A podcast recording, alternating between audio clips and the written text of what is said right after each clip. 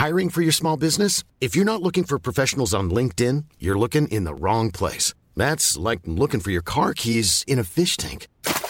LinkedIn helps you hire professionals you can't find anywhere else, even those who aren't actively searching for a new job but might be open to the perfect role. In a given month, over 70% of LinkedIn users don't even visit other leading job sites. So start looking in the right place. With LinkedIn, you can hire professionals like a professional. Post your free job on linkedin.com slash people today. Ready to pop the question? The jewelers at BlueNile.com have got sparkle down to a science with beautiful lab-grown diamonds worthy of your most brilliant moments. Their lab-grown diamonds are independently graded and guaranteed identical to natural diamonds, and they're ready to ship to your door. Go to BlueNile.com and use promo code LISTEN to get $50 off your purchase of $500 or more. That's code LISTEN at BlueNile.com for $50 off. BlueNile.com code LISTEN. Velkommen til Tut og mediekjør, en podkast for deg som er nysgjerrig på hvordan journalistikken blir til i våre 223 aviser på nett og papir, i radionyhetene og på TV. Jeg heter Christian Lydemar Strander, og når jeg leser en nyhet, så ser jeg veldig ofte en tankestrek, og så en setning rett etter. Og da regner jo jeg med at det er et sitat fra den personen som er intervjuet. Men hvor sikker kan jeg være på at denne personen faktisk har sagt det som står der? Det lurer jeg på denne uken. Og For å skjønne hvordan journalistene jobber og vurderer nyhetssakene sine, så har jeg som vanlig alltid med meg Eva Sandum. Hei, Eva. Hei, hei. Du har fortsatt 14 års bakgrunn fra PFU. Ja da. Og PFU er igjen Må vi ta det hver gang? Ja. Pressens eget selvdømmeorgan, der de vurderer sin egen nyhetsdekning opp mot sitt eget etiske regelverk. Altså PFU, Pressens faglige utvalg. Og velkommen også til deg, Svein Tore Bergestuen. Takk for det. Kommunikasjonsrådgiver, forfatter, og også journalist. Ja. Eh, ditt Du siste- sier det. altså Det er jo sånn at Jeg har jobbet som journalist i, i, i 15 år, men Ja. jeg er jo ikke journalist i virke. Altså, jeg jobber ikke som journalist, eh, for jeg kan ikke både jobbe som journalist og kommunikasjonsrådgiver. Nei, den, den er vrien. Ja, noen prøver jo på det, Ja. men, men det gjør jeg ikke. Så jeg er ikke journalist. Ok, greit. Ja, men det er greit. Man får greit. utløp for trangen til å være journalist lite grann her, da. Ja, og som forfatter så jobber jeg jo på journalistiske, mer, altså på journalistiske prinsipper. eh, Eller, eller ut, med samme eh, arbeidsmåte. Men jeg, kan ikke, jeg kaller meg ikke journalist. Ok, skal vi gå på første sak? Ja. Eh, og det er eh, rett og slett eh, På søndag så publiserte Trønderavisa en artikkel med tittelen 'Klima- og miljøminister Rotevatn om rovdyrskader', og så er det da eh, kolon. Og så er det da en eh, tankestrek, og så står det 'Flytt sauene' i gåseøyner. Det betyr, eh, altså når jeg leser det, så, eh, så las jeg det, holdt jeg på å si. Altså jeg leste det som at 'flytt sauene' er et sitat fra miljøvernministeren. Men så enkelt var det virkelig ikke, og eh, Rotevatn reagerte kraftig på det. Vi, Eva, du har snakket med Rotevatn, og vi skal bare aller først nå høre hva, hvordan han reagerte. Ja. Det jeg reagerte på med den tittelen i Trønderavisa, det var at i et relativt langt svar jeg hadde gitt, da jeg skisserte ulike muligheter for å begrense rovdyr og tap, så bestemte jeg seg for å bare skrive i overskrifta 'Flytt sauene'. Eh, Det sa jeg aldri, det var ikke en del av sitatet. eh, Og det gjorde at det framsto eh, helt feil.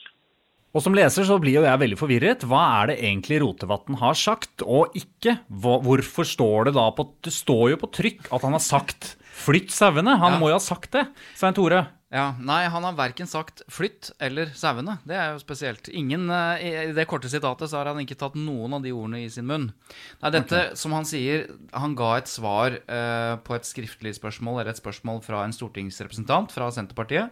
Eh, og da gir statsråden, og ministeren, gir da et, et skriftlig svar. Ja, men du, Det er veldig bra. Nå leser du altså hva faktisk Rotevatn eh, sa.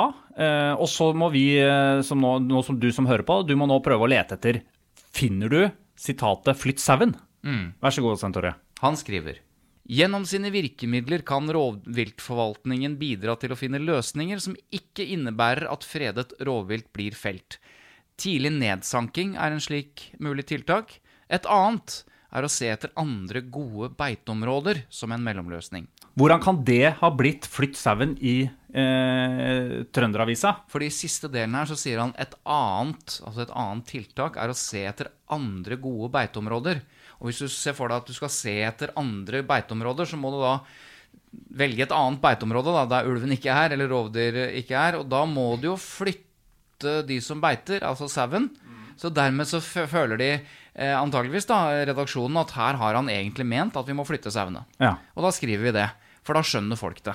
Ja. Pluss at dette er en veldig opphetet diskusjon i dette nedslagsfeltet til avisa. Så Ja. det er nok en fordel å skape litt eh, konflikt. Og da kan det jo virke på vanlige lesere som ja, men dette er jo helt riv ruskende gærent. Man kan jo ikke skrive at han har sagt 'flytt sauen' hvis han ikke har gjort det. Ja. Men her lener redaksjonen seg på en sitatordning, eller sitatpraksis i Norge, som vi skal komme inn på, som er annerledes enn i veldig mange andre land, der man ikke strengt tatt ikke trenger å si, skrive, akkurat det som ble sagt. Det, det høres så rart ut at det er Eh, mulig. ja, ja. Men finnes det ikke noen regler for det? Eh, Eva, gi meg, gi, gi meg noen nå litt sånn Hva slags regler må en avis forholde seg til? Ja, altså- Hvor mye kan de vrikke og vri på noe en person sier? Ja, det er jo det store spørsmålet. Eh, I Vær varsom-plakaten så står det eh, i dag at pressen har plikt til å gjengi meningsinnholdet i det som brukes av intervjuobjektets uttalelser, og at direkte sitater skal gjengis presist. Altså presist, det har den personen sagt. Helt presist. Ja, Så det er det jo noen som mener. Ikke sant? Og dette her er egentlig utgangspunktet for uh, dette utvalget som jeg satt i i fjor, som du har nevnt i et par episoder, det såkalte Kildeutvalget. Det er du Som- som bare tvang meg til at jeg skulle nevne det. Ja, det stemmer det. Du fikk litt betalt for det. Ja. Um, det er jo da et utvalg som ble nedsatt av Norsk Presseforbund, hvor vi var fire stykker som skulle se på eh, medienes håndtering av kilder med utgangspunkt i sitatpraksisen. dette meningsinnholdet tolker flere journalister også som at de trenger ikke nødvendigvis ha heller eh, den setningen sånn som det er sagt. Vi kan snu litt på setningen så lenge det blir klarere. Og argumentene for, og de som er tilhenger av å ikke ha helt ordrett sitater, de sier at én, vi hjelper på sett og vis intervjuobjektet, så ikke de ser så krøkkete ut når de uttaler seg.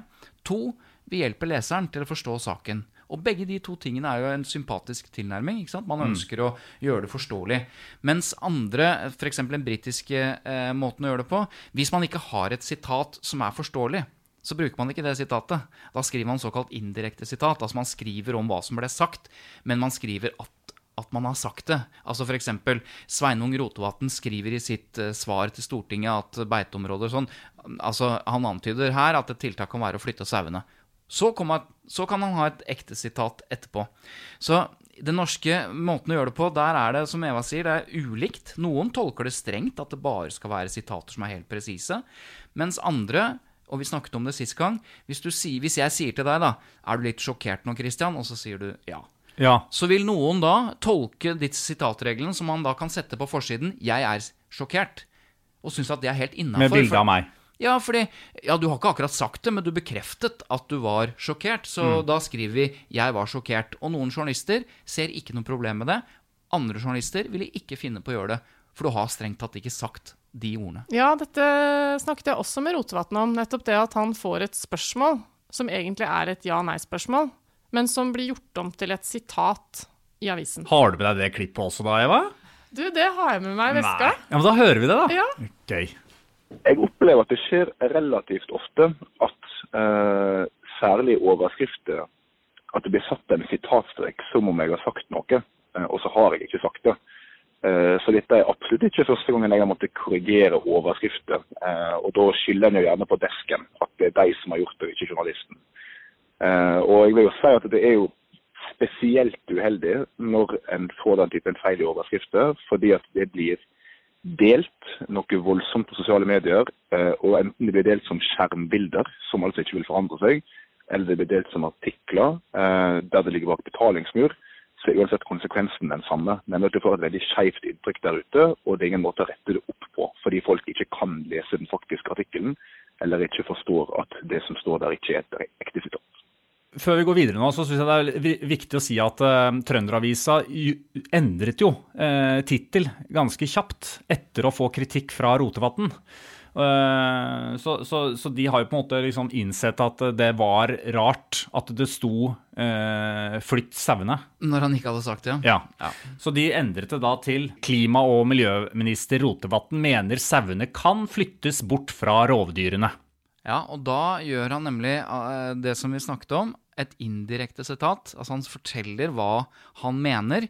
Og det er for så vidt greit. Eh, Hvis Ja. du sier noe krøkkete, så kan jeg si ja, det du mener nå er det han egentlig sier nå er. Eh, og du kan skrive det. I Norge så, skal, så tolkes da Vær varsom-plakaten på den måten at så lenge meningsinnholdet i sitatet er riktig, og det skal være presist nok, da. Altså det skal være omtrent det som ble sagt, men det trenger ikke å være akkurat det som ble sagt. I andre land så er man veldig nøye på at er det sitatstrek, og er det et sitat, så skal det være akkurat som det ble sagt. The New York Times eksempel, de skriver jo at eh, om, omtrentlige sitater kan undergrave lesernes tillit. Mm, men det skjønner jeg. Det Ja. gjør jo det. Så de mener at man kan sitere, eller at man skal sitere en set- eh, person så nært som mulig, uten å latterliggjøre personen. personen. Og der er vi inne på noe. Jeg må komme inn med en liten kort historie, for vi snakket litt om det i stad også, at politikere kan si mye rare ting, og hvis du skriver akkurat hva de sier, så kan det være vanskelig å forstå.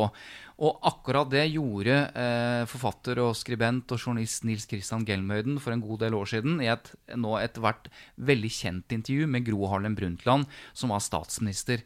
Han var vel da lei av å høre at eh, man vrei og vente på ting, så han eh, satte på opptakeren, gjorde et langt intervju med, med Gro Harlem Brundtland og skrev alt ut sånn som det ble sagt. Altså han transkriberte og siterte henne pinlig nøyaktig. Det var ikke mulig å forstå veldig mye av det intervjuet. Og det ble jo på sett og vis også en utdriting av eh, Gro Harlem Brundtland. Det var ingen hemmelighet for de som fulgte henne, hennes politiske retorikk på 80- og 90-tallet, at hun hadde en del innskutte bisetninger og en del formuleringer som ikke var helt krystallklare. Og det viste det intervjuet. Og da ble selvfølgelig statsministerens kontor eh, fly forbanna. Men hva skulle de egentlig bli forbanna på? Nei. Fordi han hadde jo sitert, sitert henne ordrett. Og det er jo kanskje også da et poeng, ikke sant? at hvis man har en for streng sitatpraksis, så vil det kanskje stå i veien for en litt friere og løsere samtale. Som jo er en fordel for å få folk til å snakke fritt. Altså Hvis du får sånn Hei, nå skal jeg intervjue deg, nå setter jeg på opptakeren, jeg kommer, kommer til å sitere deg ordrett. Da vil du eh, bli ganske forknytt når du skal svare på spørsmålene mine. Så det er jo det de som er imot en endring, eh, argumenterer med, da. Men jeg tror det er litt viktig her at, eh, å liksom understreke at det grunnleggende prosjektet her, det er jo at det må være tillit eh, mellom folk og mediene. Ikke bare tillit til det de leser i avisa, men også tillit til at en journalist er til å stole på.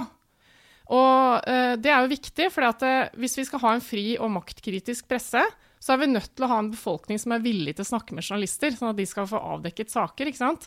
Det er én ting. Um, og, og det vil de ikke gjøre hvis det er en gjengs oppfatning at uh, journalister ikke kan stoles på, at de vrir og vender på alt jeg sier og sånn. Så det er et problem. Derfor må dette bli litt tydeligere. Ja. Det var liksom Kildeutvalgets Og- konklusjon, da, at denne, uh, denne regelen her, den må vi gjøre tydeligere, sånn at folk kan forstå hva Men- mediene gjør. Men er det noe jeg kan gjøre? Altså Hvis jeg blir, skal bli intervjuet av en journalist, eh, hvordan kan jeg sørge for at det blir tydeligere? Fordi nå høres det jo litt ut som det er, eh, kommer litt an på eh, moralen eller, eller jobbemetoden til hver enkelt journalist, egentlig. Ja. Kan jeg gjøre noe? Det er mye du kan gjøre, og det syns jeg vi skal snakke om i neste episode. For det, det, er- det handler om sitatsjekk, f.eks. Og det er, eh, det er ganske mye vi kan si om det.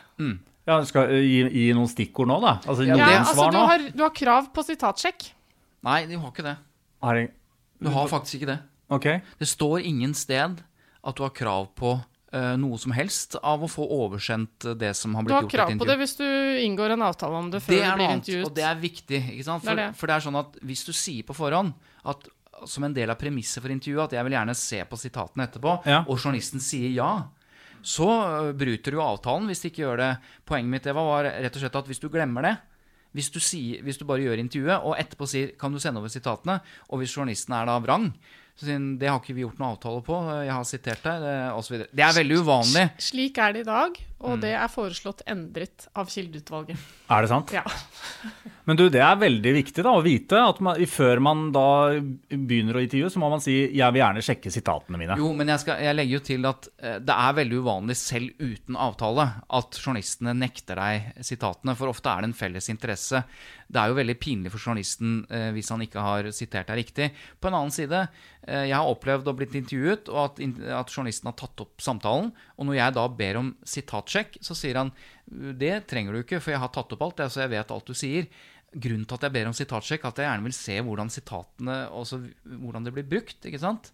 Og i Norge kan jo det bli, bli brukt på hvilken som helst måte, så det er jo klart at man da, trenger å vite det. De kan det. ikke det. Men du, øh, vet du hva, vi, vi må oppsummere litt grann nå. Så det betyr altså, øh, når jeg leser en avis øh, med en setning med en sitatstrek foran, Så, så betyr det at eh, intervjuobjektet har sagt det som står der. Men det kan være enkelte ord uh, som er tatt bort, men det som står bak en sitatstrek, skal være noe noen har sagt med sine egne ord. Og som oftest kan du stole på at kilden, intervjuobjektet, og den som eh, har gjort intervjuet, er noenlunde enige om at dette er riktig. Men som vi har vært inne på med eh, Rotevatn, han hadde verken sagt 'flytt sauene', eh, eller eh, Ja, han hadde ikke sagt det. Og da reagerte han, og da endret jo også avisen eh, Det var ikke noen tvil der, ikke sant? Nei. for alle er enige om at et sitat skal være noe noen har sagt. ja, ja. Ja.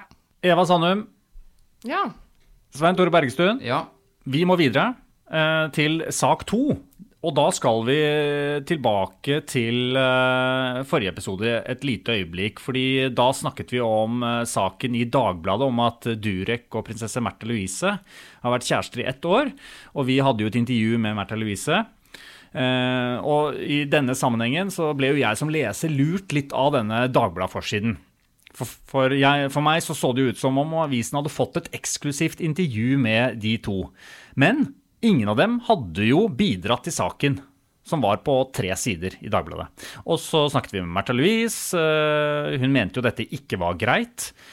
Og så fortalte hun da også om hvordan Se og Hør hadde snikfotografert henne og Durek på Hawaii når de var på ferie der. Uh, uten at vi ante at de var der. Det er ikke presse, pressen gir seg ekte kjenne. De ligger langt unna, aner ikke hvor de var, uh, hvem som tok bildene. Eh, og så kommer det liksom mange sider derfra. Også da uten at de var, eh, hadde bidratt eller blitt spurt på forhånd.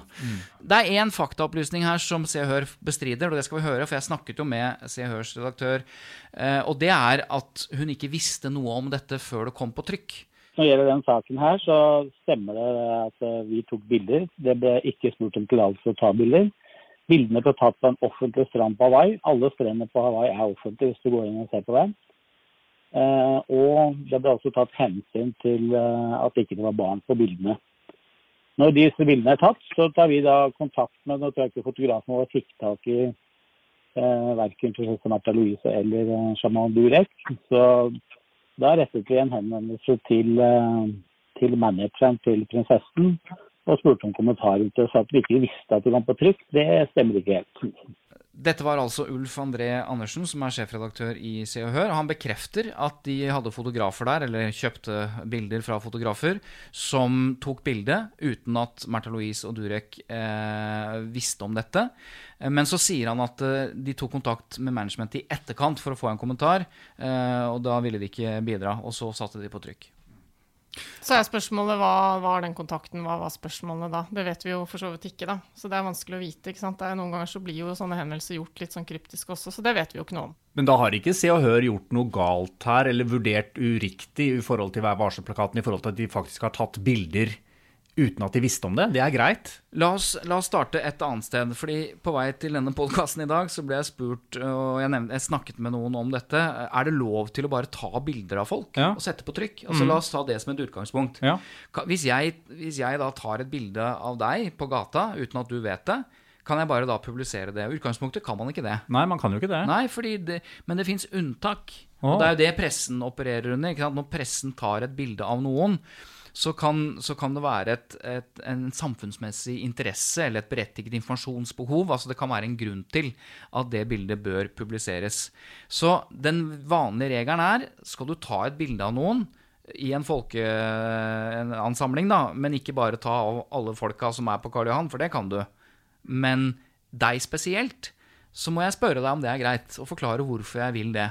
Så er spørsmålet, og det kan jeg spørre Eva om, da. Du bruker ordet snikfotografering, og Märtha Louise brukte ordet snikfotografering. Er det snikfotografering når man fotograferer noen på en offentlig strand, f.eks.? Hvis det er av offentlig interesse at de menneskene man tar bilde av, er der eh, fordi man skal avsløre noe, og man føler Eller ja, at man mener at man har et berettiget informasjonsbehov da, så, så kan det være greit. Men én ting er hva er lov, én ting er hva sier presseetikken, og en annen ting er hva er rein skjær folkeskikk. Men altså, i presseetikken så er det jo sånn at uh, det står at journalister skal opptre hensynsfullt i den journalistiske uh, arbeidsprosessen. Det, det hørtes ut som folkeskikk. ja. Ja. Men det står eh, skrevet ned sånn, som en generell regel. Og det handler jo om arbeidsprosessen før ting kommer på trykk. Altså hvordan det oppleves eh, å bli eh, møtt av en journalist, på en måte. Hvordan er premissene lagt, osv. En annen ting er at skjult kamera bare skal brukes i unntakstilfeller, altså når det er eneste måten å eh, avdekke noe på. Forhold av vesentlig samfunnsmessig betydning, f.eks. Jeg mener jo f.eks. her at det å trekke inn skjult mikrofon, skjult kamera i denne saken ikke er så relevant. Fordi at når man snakker om skjult opptak og skjult mikrofon, så snakker vi om Se for deg dokumentarene hvor man tar skjulte opptak osv. Det å si at eh, det er skjult kamera og ligge med telelinse, det kan man jo argumentere for, fordi at man vet ikke at man tar eh, bilder. Men se for deg at det står 40 fotografer og tar bilde av kjendis på en strand, så er ikke det skjult opptak. Fordi at eh, det er mulig å forstå at når du beveger deg på en offentlig strand, så blir du tatt bilde av. Så jeg vil si at det punktet i Vær varsom-plakaten ikke er relevant her nødvendigvis, fordi det rett og slett er eh, men, det er men det som er relevant, er Jeg vil si meg litt uenig i det. Ja, men arbeidsmetoden er jeg enig i. Fordi at idet Märtha Louise og Durek opplever eller oppdager etter hvert at er det ikke noen er det ikke noen fotografer nå som ligger i buskene og tar bilde av oss? Og så De begynner å bekymre seg rundt det. og Det er jo ikke hensynsfullt. Altså Folkeskikken er jo at hvis de var der og tok bil for å ta bilder av de, så burde du ha sagt her er vi. vi. eh, Vi mener at det er greit at vi bør ta bilde av dere, bare så dere vet det. Eller kan vi ta bilde av dere? Men da hadde du jo da hadde du jo fått nei. Ja, men da kunne du likevel ta bilde. Men da har det gjort, gitt seg til kjenne. Da har det gitt seg til kjenne. det, ikke det, sant? det er en veldig viktig forskjell her. Uh, fordi at uh, det er eh, etter min oppfatning en ganske god tradisjon i norsk presse på å gi seg til kjenne, også overfor kjendiser. Og så kan man si at det er plagsomt for en person som stadig vekk er ute og går på offentlig gate, at det, at det løper journalister rundt, og det er både pinlig og flaut, og de er i veien osv. Men da gir de seg til kjenne, altså personen vet at de blir fotografert. Og så er det en annen ting at du ligger bak busker eller gjemmer deg bak eh, biler og sånn, og tar bilder når personen ikke er klar over det. Det er jo en annen påkjenning for et menneske, ikke sant? At det, det som skjer hvis det er greit, ofte, det er at du aldri vet når du er iakttatt. Og det er en helt annen menneskelig påkjenning. Å gå hele tiden og lure på om du er observert eller blir fotografert. Så det er to litt forskjellige ting. Og det er derfor jeg mener at skjult kamera er relevant. Eller ordet snikfotografering er relevant. Fordi at det, selvfølgelig, hvis du er på en, en av de mest populære strendene et eller annet sted i Karibien eller Monaco eller ikke vet jeg hvor alle sånne kjendiser og Hollywood-stjerner befinner Det seg, og vet det du, det, sånn Det vet du så godt. og det står en rad med paparazzi-fotografer.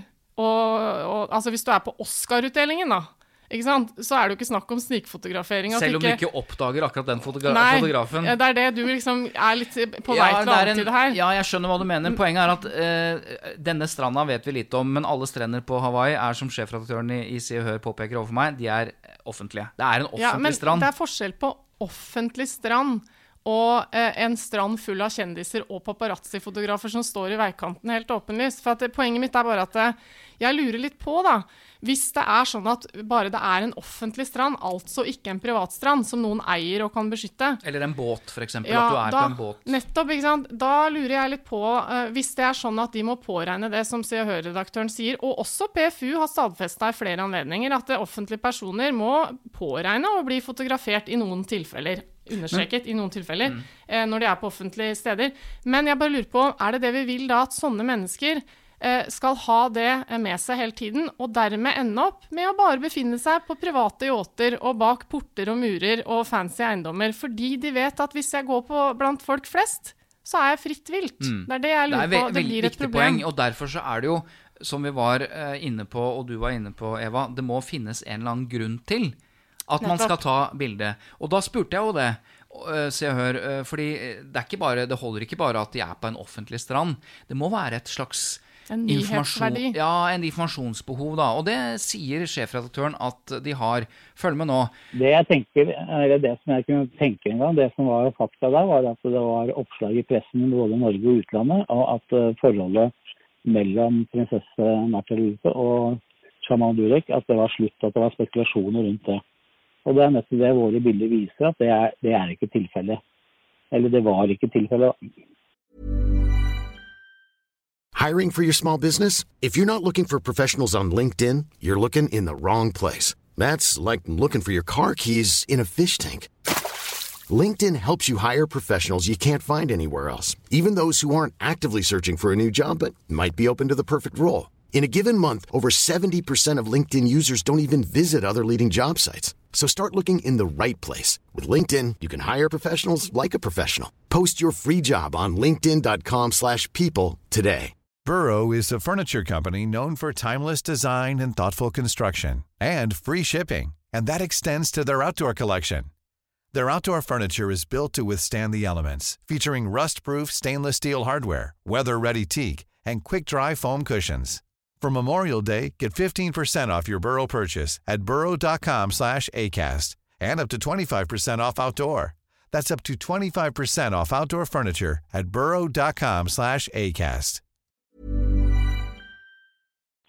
Ja, som vi hører, eh, de var usikre på om det var et forhold. De ville fotografere for å dokumentere det, så Norge kunne slappe av og, og tenke at det fortsatt er forhold. Nå er jeg litt polemisk, for jeg, jeg måtte le når jeg hørte det på nytt, fordi han sier eh, det var i hvert fall ikke et problem da vi tok bildene. Eh, underforstått, eh, det kan jo være trøbbel igjen i, nå. Ja, ja, ja. Og da er vi litt på det derre Hva er egentlig spekulasjonene om dette forholdet? Ja, nei, men ikke sant, det, det viser jo også det han sier, eh, et annet poeng, og det er at eh, hvis pressen vil ha et berettiget informasjonsbehov eh, når de dekker en sånn sak, da, når de tar bilder for å vise et eller annet, så er det med bakgrunn i at pressen har spekulert i om det er slutt, eller i om det er et problem. Så dermed så er det også en mulighet da, i denne typen journalistikk, at pressen skaper en spekulasjon om noe for å kunne avkrefte det med skjulte metoder, da, eller Skaper en nyhet. Som For at de liksom, ja, kan fordi norsk og internasjonal presse har spekulert i om, eh, om forholdet er slutt. ikke sant?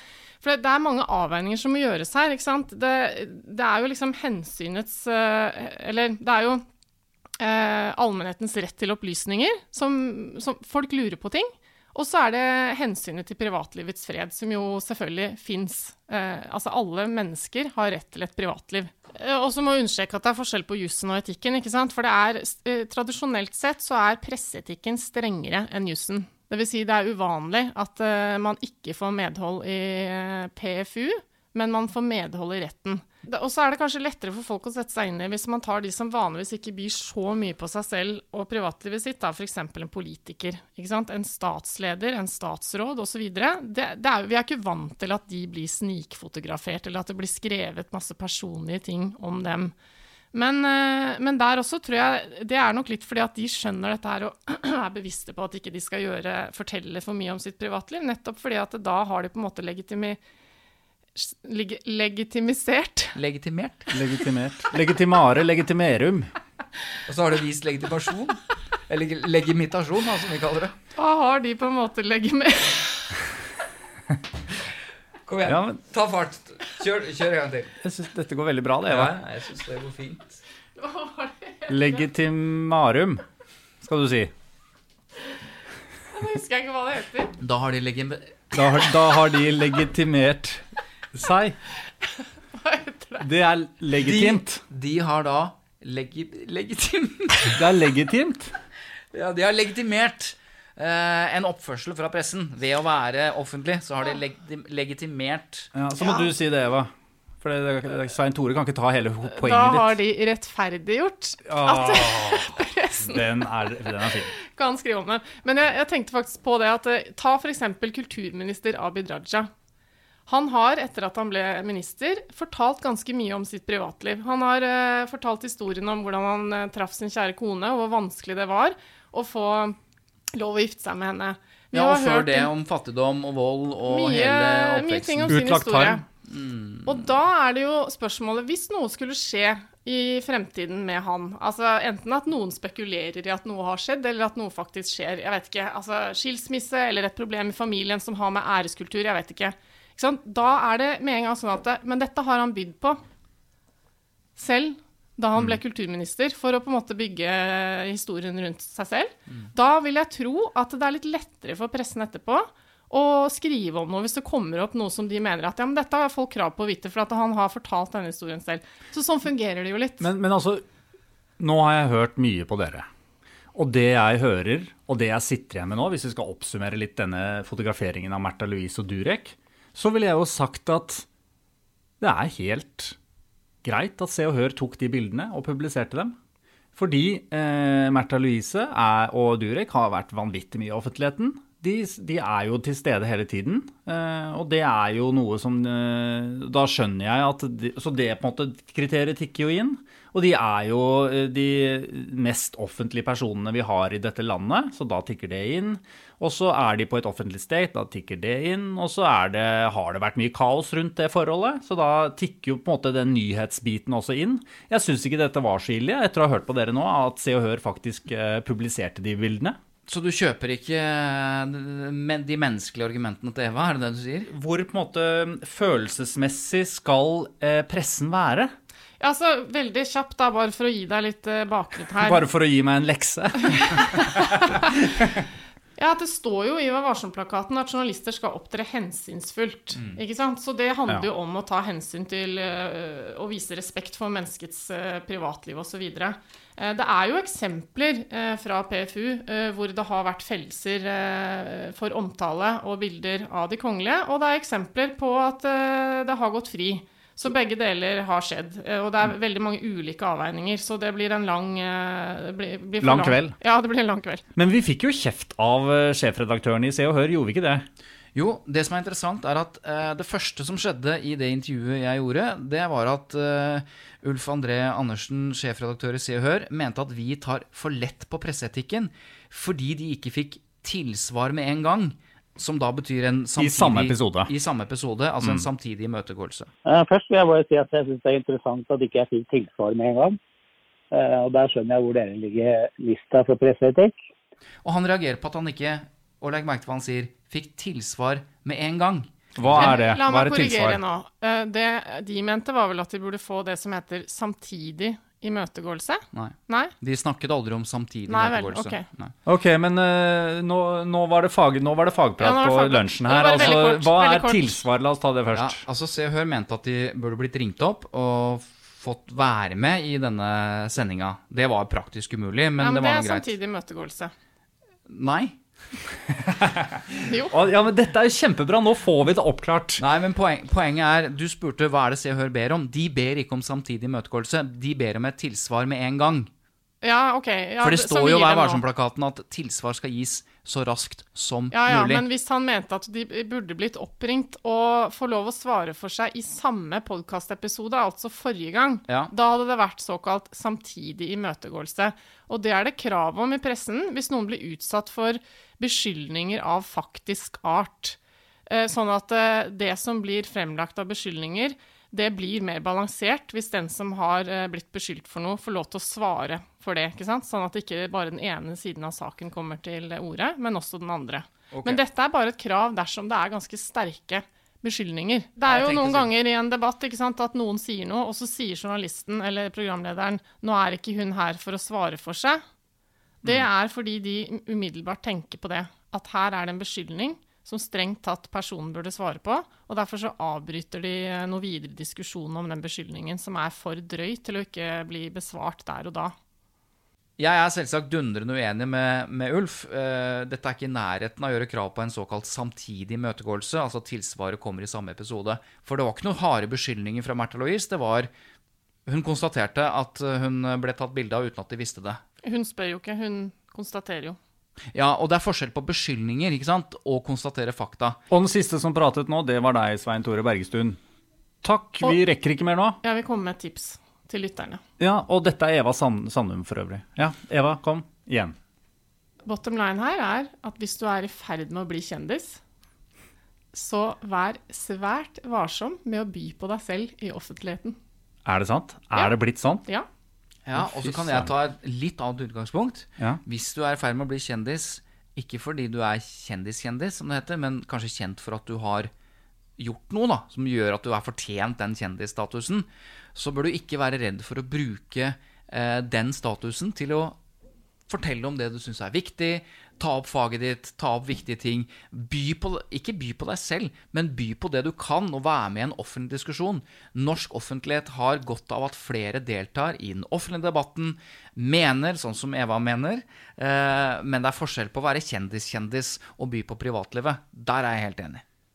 Tut og mediekjør er med den knallharde, sterke avslutningen over. Eh, husk ah, at du kan eh, gå inn på Facebook-siden vår, Tut og mediekjør, og like den siden, og delta i debatten der, og komme med dine sterke meninger der. Vi er jo kjempeglad for at du hører på denne podkasten. Tusen takk for det. Abonner gjerne, og send denne podkasten videre til de du tror eh, kan være interessert. Og så tips oss gjerne om nyhetssaker som du ikke helt skjønner hvordan pressen har eh, kommet frem til og skrevet eller vurdert. Hva, hva slags spørsmål har du? Eh, send det inn på en mail, og nå er det en overraskelse til dere. Jeg har laget en mailadresse mailadresse til eh, En tut og kjør-mail. Ja, og den, det er da, da kan du sende mailen til tut at lydproduksjoner.no. Er ikke det greit, da? Tut, tut. Tut, Nei, nei, nei, må ikke forvirre nå. Det er bare tut, ikke sant? Det er tut. T-u-t. Ikke hør på Eva.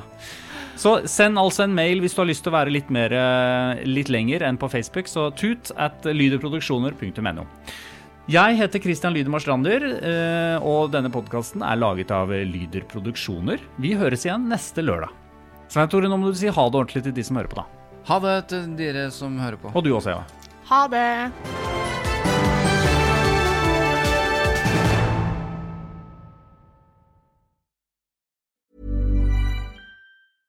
Imagine the softest sheets you've ever felt. Now imagine them getting even softer over time. That's what you'll feel with Bowl and Branch's organic cotton sheets. In a recent customer survey, 96% replied that Bowl and Branch sheets get softer with every wash. Start getting your best night's sleep in these sheets that get softer and softer for years to come. Try their sheets with a 30-night guarantee. Plus, get 15% off your first order at bowlandbranch.com. Code Exclusions apply. See site for details. Confidence starts with loving who you are. And when your skin feels nourished and glows on the outside, you naturally radiate confidence from the inside. Give your skin a glow up with Osea's clinically proven Mega Moisture Duo. This ultra hydrating body care features two of Osea's best sellers, Undaria Algae Body Oil and Undaria Collagen Body Lotion. These seaweed powered heroes use skincare level ingredients normally reserved for your face for results you can see and confidence you can feel. Osea has been making clean, clinically proven seaweed infused face and body care products for over 28 years. This luxurious skincare is vegan, cruelty free, and climate neutral certified, so you never have to choose between your values and your best skin. Glow from the inside out. Get 10% off your first order with code GLOW at OseaMalibu.com. That's O S E A Malibu.com code GLOW.